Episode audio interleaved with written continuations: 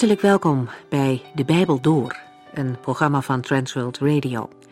De Bijbel Door is een radioserie die u in vijf jaar meeneemt door de hele Bijbel. Van Genesis 1 tot Openbaring 22.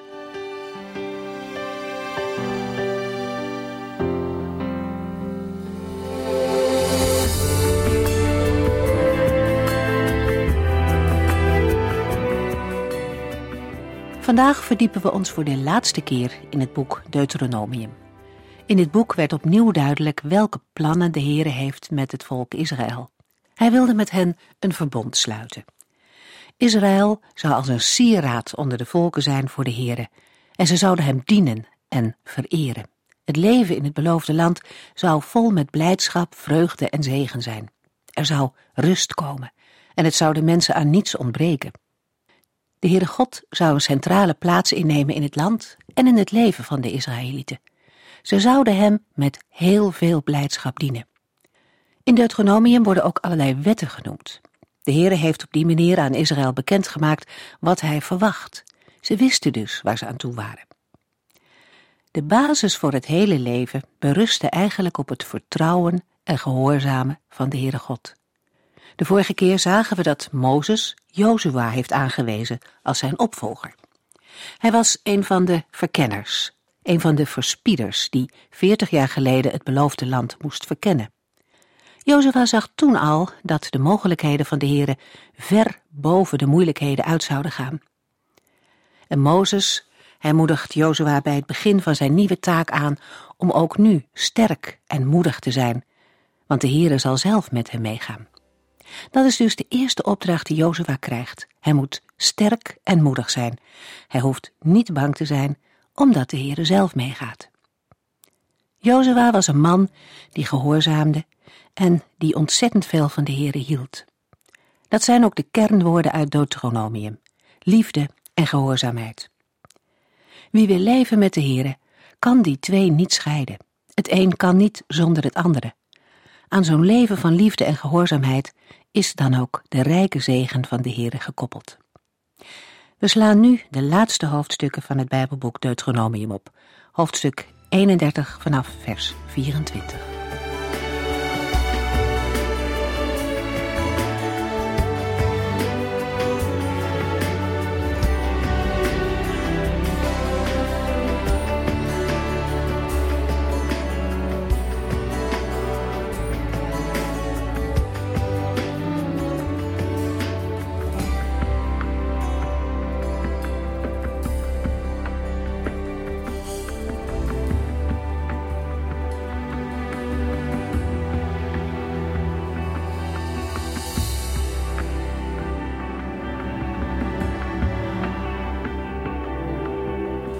Aanleiding van de moeilijkheden die in Deuteronomium 31 vers 15 tot en met 21 zijn beschreven, gebiedt de Heere Mozes een lied te schrijven. De tekst van het lied vinden we in Deuteronomium 32. Het afvallige gedrag van het volk maakt het componeren van dit lied noodzakelijk. Vers 18. De Heere zal het lied tegen de Israëlieten laten getuigen en daarmee het bewijs leveren dat hij vooraf wist dat het volk Israël in het beloofde land vreemde goden is gaan aanbidden. De Heer heeft Israël van tevoren dringend gewaarschuwd en alles gedaan om een zondig handelen te voorkomen. Mozes moet de Israëlieten de opdracht geven het lied steeds weer te herhalen. Iedere Israëliet moet het lied uit het hoofd kennen. Hij moet er ook voor zorgen dat de woorden niet alleen met het verstand gekend worden, maar ook met het hart. In Deuteronomium 20 en 21 wordt de noodzaak van het componeren van dit lied nader toegelicht. Het gevaar van de overvloed in het beloofde land is dat de Israëlieten andere goden gaan aanbidden en de Here vergeten. Wanneer de tegenspoed, die vooraf is voorzegd, over Israël komt, zal het ingestudeerde en nog niet vergeten lied tegen hen getuigen. Daardoor zal Israël zich herinneren dat zij vooraf gewaarschuwd zijn voor hun afval en voor de rampen die daarvan het gevolg zijn. De Heere kent deze latente neiging, niet alleen bij de Israëlieten. Deze neiging is in ieder mensenhart aanwezig. Om te voorkomen dat die neiging naar boven komt, laat de Heere het volk dit lied kennen. Mozes componeert op diezelfde dag het lied en leert het aan de Israëlieten. Dan richt de Heere het woord tot Jozua. Hij wijst Jozua aan als de nieuwe leider van het volk en roept hem op sterk en moedig te zijn. Deuteronomium 31, vers 23. U moet de Israëlieten in het land brengen dat ik hun heb beloofd, en ik zal met u zijn. De geschiedenis gaat verder. Deuteronomium 31, vers 24 tot en met 26. Toen Mozes alle wetten die in dit boek staan had opgeschreven, droeg hij de levieten, die de ark met de tien geboden droegen, op dit boek met de wetten naast de ark te leggen als een nadrukkelijke waarschuwing voor de Israëlieten. Nadat Mozes zijn schrijfwerk heeft voltooid, overhandigt hij zijn boekrol aan de levieten, die de ark van het verbond dragen. Hun verantwoordelijkheid als dragers van de ark verschaft hun de bevoegdheid documenten naast de ark te leggen. De wet moet dienen als getuigenis tegen de Israëlieten wanneer zij zondigen. Deuteronomium 31, vers 27, 28 en 30. Toen zei Mozes tegen hen: Want ik weet hoe opstandig en koppig u bent. Zelfs nu ik hier nog bij u ben, bent u al opstandig tegen de Heere. Hoeveel opstandiger zult u dan zijn na mijn dood? Roep nu alle leiders en aanvoerders van uw stammen bijeen, zodat ik met hen kan praten en ik hemel en aarde als getuigen tegen hen kan aanroepen. Toen las Mozes het hele lied hardop voor aan het bijeengekomen volk van Israël. Het is nodig dat het wetboek wordt geplaatst naast de ark van het verbond, vanwege de opstandigheid en koppigheid van het volk. Nadat het boek Deuteronomium in de tabernakel is gelegd, laat Mozes alle leiders en aanvoerders bijeenroepen. Voordat Mozes het eerder aangekondigde lied gaat voordragen, roept hij de hemel en de aarde op als getuigen. Met deze oproep wordt de hele schepping betrokken bij het lied en krijgen de woorden bijzondere nadruk. Het lied krijgt het karakter van een officieel verbondsdocument. Mozes weet dat de Israëlieten zich na zijn dood zullen verontreinigen en van de weg van de Heere zullen afwijken. Daarom zal Gods boosheid het volk treffen. Dit gebeurt wanneer Israël doet wat slecht is in de ogen van de Heere en hem verachten en zijn verbond met hen verbreken. Het lied van Mozes maakt deel uit van de verbondsluiting. Door het regelmatig te herhalen, zullen de Israëlieten zich blijvend bewust zijn van de consequenties van het verbond. Deuteronomium 32, vers 1 tot en met 4. Luister, hemelen en aarde. Luister naar wat ik zeg. Mijn woorden zullen op u vallen als de zachte regen en de dauw, als regensluiers op het gras en als regensluiers op het jonge groen. Ik wil de grootheid van de Heere uitroepen en van zijn glorie vertellen. Hij is de rots, zijn daden zijn volmaakt. Alles wat hij doet is rechtvaardig en goed. Hij is God, een God die trouw is, zonder bedrog. Hij is de rechtvaardige. Het lied van Mozes begint met een inleiding die bestaat uit de eerste vier versen. De Heere roept hemel en aarde op als getuigen dat dit de voorwaarden zijn waaronder hij Israël het beloofde land zal geven. Als later de Heere over Israël oordeelt en hij het volk het land uitdrijft, hoort Israël dezelfde oproep. Het is ook de oproep waarmee het Bijbelboek Jezaja opent. Dit zijn de boodschappen die Jezaja, de zoon van Amos, kreeg in visioenen. In deze boodschappen liet God Jezaja zien wat er zou gebeuren met Juda en Jeruzalem. Luister, hemel en aarde, naar wat de Heere zegt. De kinderen die ik heb opgevoed en voor wie ik zo lang en liefdevol heb gezorgd, hebben zich van mij afgekeerd. Jesaja 1 vers 1 tot en met 3 De aanwezigheid van hemel en aarde onderstreept het belang van het lied. Mozes gebruikt dichterlijke taal en hanteert beelden die ontleend zijn aan de neerslag uit de hemel. Zoals water planten laat leven, zo moeten de woorden van het lied van Mozes Israël op de goede weg houden. Mozes wil met het lied de naam van de Heere bekendmaken en zijn grootheid uitroepen. Daartoe worden een aantal eigenschappen van de Heere genoemd. In de eerste plaats omschrijft Mozes de Heere als een rots. Het woord rots komt in Deuteronomium 32 zevenmaal voor en geeft de rotsvaste betrouwbaarheid van de Heere aan. Van Gods werken zegt Mozes dat ze volmaakt zijn. De reden voor deze verklaring is dat al Gods wegen rechtvaardig en goed zijn. Hij is een God van trouw en in hem bestaat geen onrecht. Hij is de rechtvaardige. In het Nieuwe Testament wordt de Heer Jezus de rots genoemd, 1 Corinthiërs 10 vers 4. Christus is de belangrijkste hoeksteen. 1 Petrus 2 vers 6.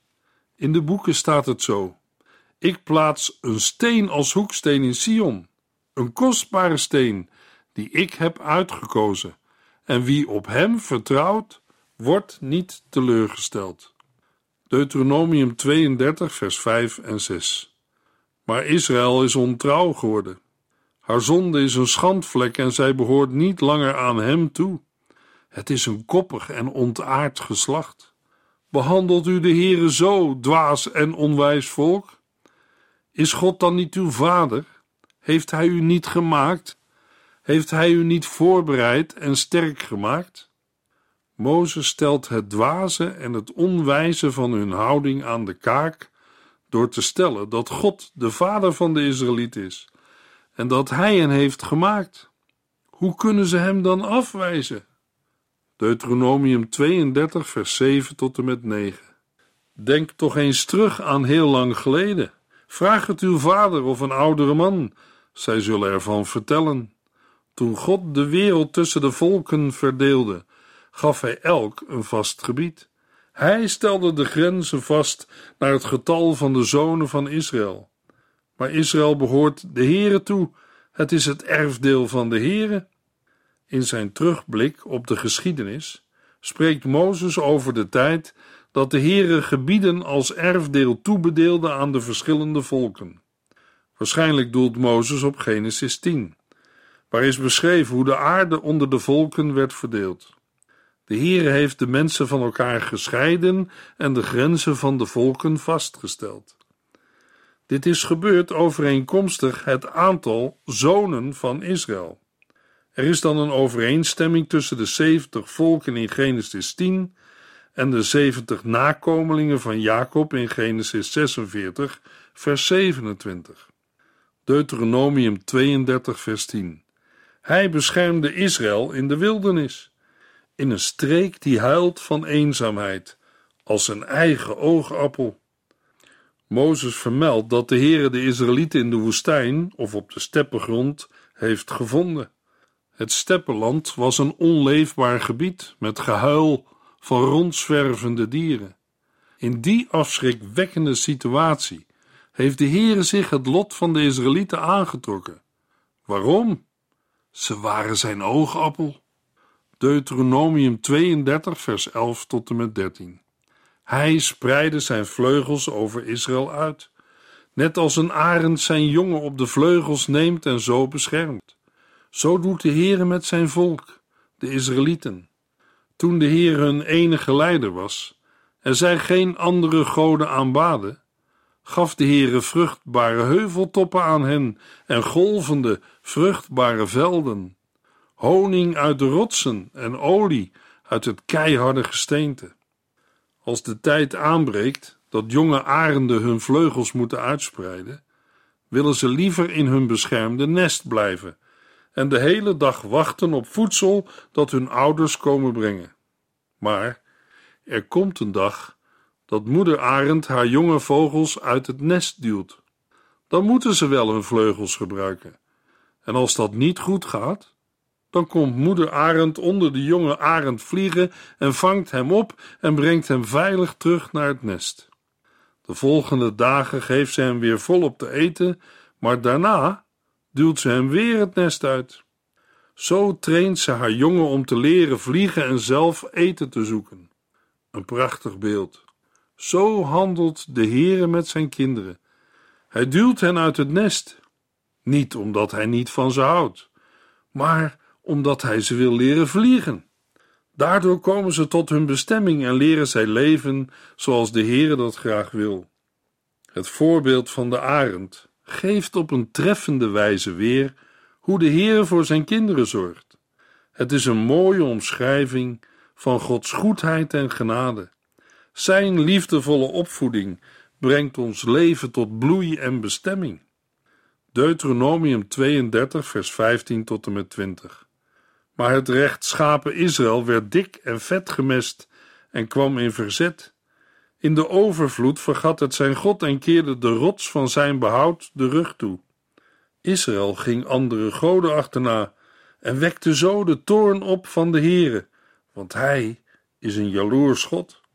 Het volk bracht offers aan boze geesten, nieuwe goden die nog nooit eerder waren aanbeden. De Israëlieten hadden geen oog meer voor de rots die hen had gesteund en vergaten dat God hen had gemaakt. De Heere zag wat ze deden en werd daardoor zo gekrenkt dat hij zich van zijn kinderen afkeerde. Hij zei: Ik trek mij van hen terug, dan zullen we eens zien wat er van hen terecht komt. Want ze zijn door en door slecht. Trouw kennen ze niet. Ze hebben mij diep beledigd. Mozes verwijt de Israëlieten dat ze de rots die hen had gemaakt vergaten. De Israëlieten hebben hun bestaan uitsluitend aan de Heere te danken. De motivatie voor Gods besluit om zich af te keren is dat Israël een verkeerd geslacht is, waarin geen trouw is te vinden. In de versen 21 tot en met 25 lezen we dat rampen en dood zullen komen. Niemand wordt ontzien, man noch vrouw, jong noch oud. Vers 25. Deuteronomium 32, vers 26 en 27. Ik had besloten hen te verspreiden over verre landen, zodat zelfs de herinnering aan hen zou verdwijnen. Maar toen bedacht ik: mijn vijanden zullen leedvermaak hebben en zeggen: Israël is door onze kracht vernietigd. Het was niet de Heere die dat deed. De toorn van de Heer is groot genoeg om tot vernietiging van het volk over te gaan. Maar er is een reden waarom de Heere dit voornemen niet heeft uitgevoerd, namelijk het leedvermaak van zijn vijanden. Deuteronomium 32, vers 28 tot en met 31. Israël is een dwaas volk zonder enig verstand. Ach, ik zou willen dat de Israëlieten wijs waren. Konden zij het maar begrijpen? Wisten zij maar wat hun te wachten staat? Hoe zou één enkele vijand duizend van hen kunnen achtervolgen? Hoe zouden twee vijanden tienduizenden van hen op de vlucht kunnen jagen als hun rots hen niet alleen had gelaten? Want de rots van andere volken lijkt in de verste verte niet op onze rots. Gebeden tot hun goden zijn waardeloos. Mozes vermeldt de kortzichtigheid van Israël. De nederlaag van Israël is niet te wijten aan machteloosheid aan de kant van de Here. Hij is juist sterker dan alle vijanden en alle andere goden. De rots van de Israëlieten is niet als de rots van de heidenen. De Heere verlangt naar zijn volk. Hij wil hen verlossen en redden. In de versen 32 tot en met 42 wordt het oordeel en de wraak van de Heer over de vijanden van Israël beschreven. Mozes besluit zijn prachtige lied met Deuteronomium 32, vers 43. Volken van de wereld, wees blij met het volk van God, want hij wreekt het bloed van zijn dienaren en hij wreekt zich op zijn tegenstanders. Zo verzoent hij zijn land en zijn volk. Mozes roept de volken op Israël te bejubelen. De reden voor de lofprijzing is dat de Heere recht zal doen aan zijn volk. Hij zal zijn dienaren wreken en wraak brengen over zijn tegenstanders. Ook zal de Heer het land van zijn volk verzoenen. De verzoening van het land heeft betrekking op de bevrijding van de bloedschuld en op de besmetting door de afgodendienst. Uit latere Joodse tradities blijkt dat het lied van Mozes een aparte plaats heeft verworven in tempel en synagogen. Volgens Flavius Josephus werd Deuteronomium 32 met andere liederen bewaard in de tempel. Rabbijnse bronnen geven aan dat de Levieten het lied lazen op de Sabbat. In Qumran is het lied afzonderlijk bewaard. Tegenwoordig wordt het lied in de synagoge gelezen op de Sabbat tussen Nieuwjaarsdag en Grote Verzoendag. In de Sephardische traditie wordt het gelezen op de jaarlijkse herdenking van de verwoesting van de tempel. In de vroeg-christelijke kerk werd Deuteronomium 32 gezongen. In de Griekse codex Alexandrinus uit de vierde eeuw na Christus staan achterin de psalmen en veertien liederen uit het Oude en Nieuwe Testament, onder andere Exodus 15 en Deuteronomium 32. In West-Europa hebben in latere tijd Marnix van Sint-Aldegonde, Beza en Vondel het lied van Mozes bewerkt voor gemeentezang. In het huidige liedboek voor de kerken is gezang 8 een berijming van Deuteronomium 32, vers 1 tot en met 4. Deuteronomium 32, vers 44 tot en met 46. Toen Mozes en Jozua alle woorden van het lied aan het volk hadden doorgegeven, zei Mozes tegen de aanwezigen: Onthoud en overdenk de wetten die ik u heb gegeven. Geef ze aan de kinderen door. Opnieuw zegt de Heer dat het bezit van het land afhangt van Israëls gehoorzaamheid. Deuteronomium 32, vers 48 tot en met 50. Nog diezelfde dag zei de Heere tegen Mozes: Ga naar de berg Nebo in het Abraham-gebergte tegenover Jericho, in het land Moab. Beklim de top en kijk dan uit over Canaan, het land dat ik het volk Israël ga geven. Nadat u het land hebt gezien, zult u sterven en zult u zich met uw voorouders verenigen, net zoals uw broer Aaron, die stierf op de berg Hoor. De reden waarom Mozes en Aaron het beloofde land niet binnen mochten, houdt verband met hun gezamenlijke schuld. In nummer 20 maakt het volk ruzie met Mozes en Aaron over het gebrek aan water. Mozes slaat op de rots, maar daarover lezen we in nummer 20 vers 24 u beiden hebt mijn instructies betreffende het water van Meriba in de wind geslagen. Daarom mogen Aaron en Mozes het beloofde land niet binnengaan. Hun daad was een tekort aan vertrouwen en een schending van Gods heiligheid. Mozes mag het gebied wel van een afstand bekijken. Voor zijn dood houdt Mozes zijn laatste toespraak. Daarin spreekt hij een zegen uit over de Israëlieten hoewel de Israëlieten op basis van het verbond niet altijd een zegen zullen ontvangen, maar ook met vervloekingen te maken zullen krijgen, wordt in Deuteronomium 33 een zegen uitgesproken. Deuteronomium 33, vers 1. Dit is de zegen die Mozes, de man van God, het volk Israël voor zijn dood gaf. Na een terugblik op een aantal gebeurtenissen uit de reis van de Israëlieten in de versen 2 tot en met 5 bidt Mozes dat Ruben nooit als een stam van Israël zal verdwijnen.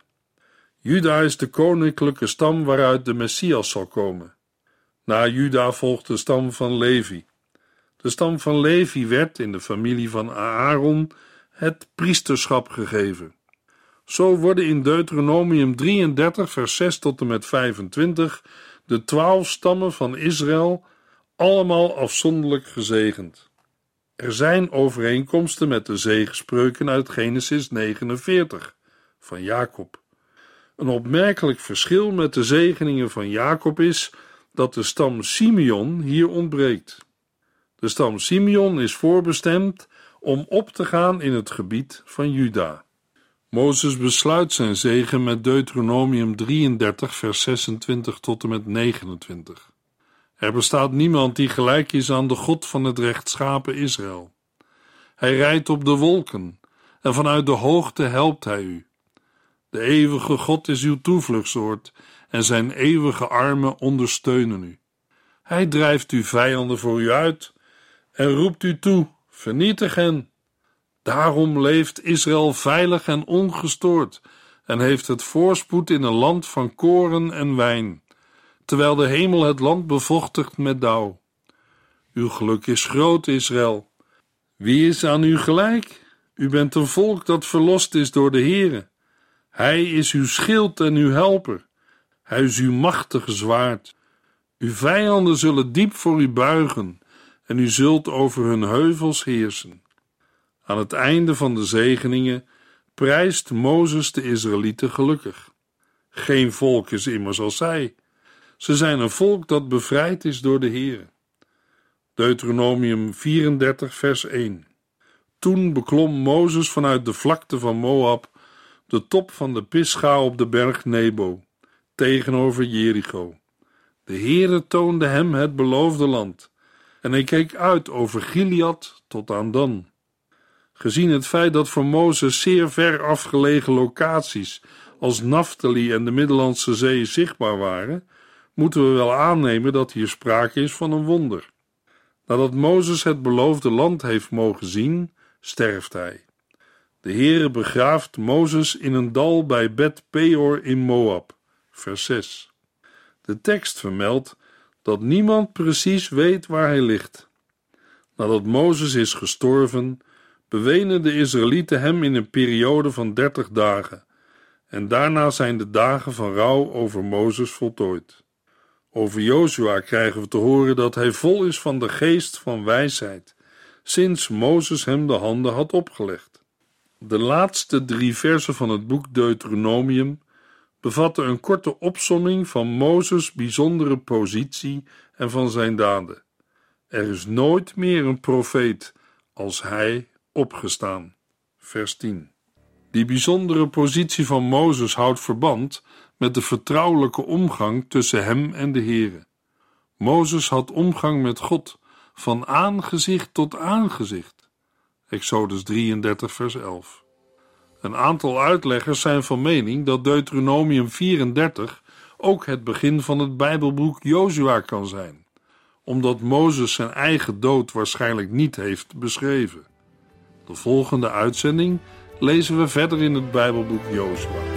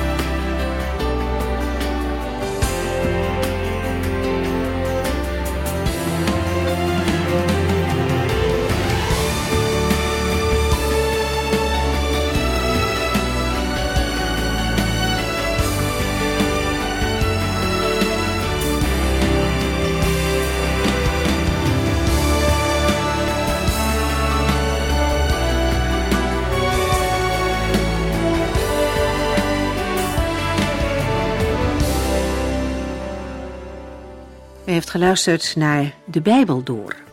In het Nederlands vertaald en bewerkt door Transworld Radio. Een programma waarin we in vijf jaar tijd de hele Bijbel doorgaan.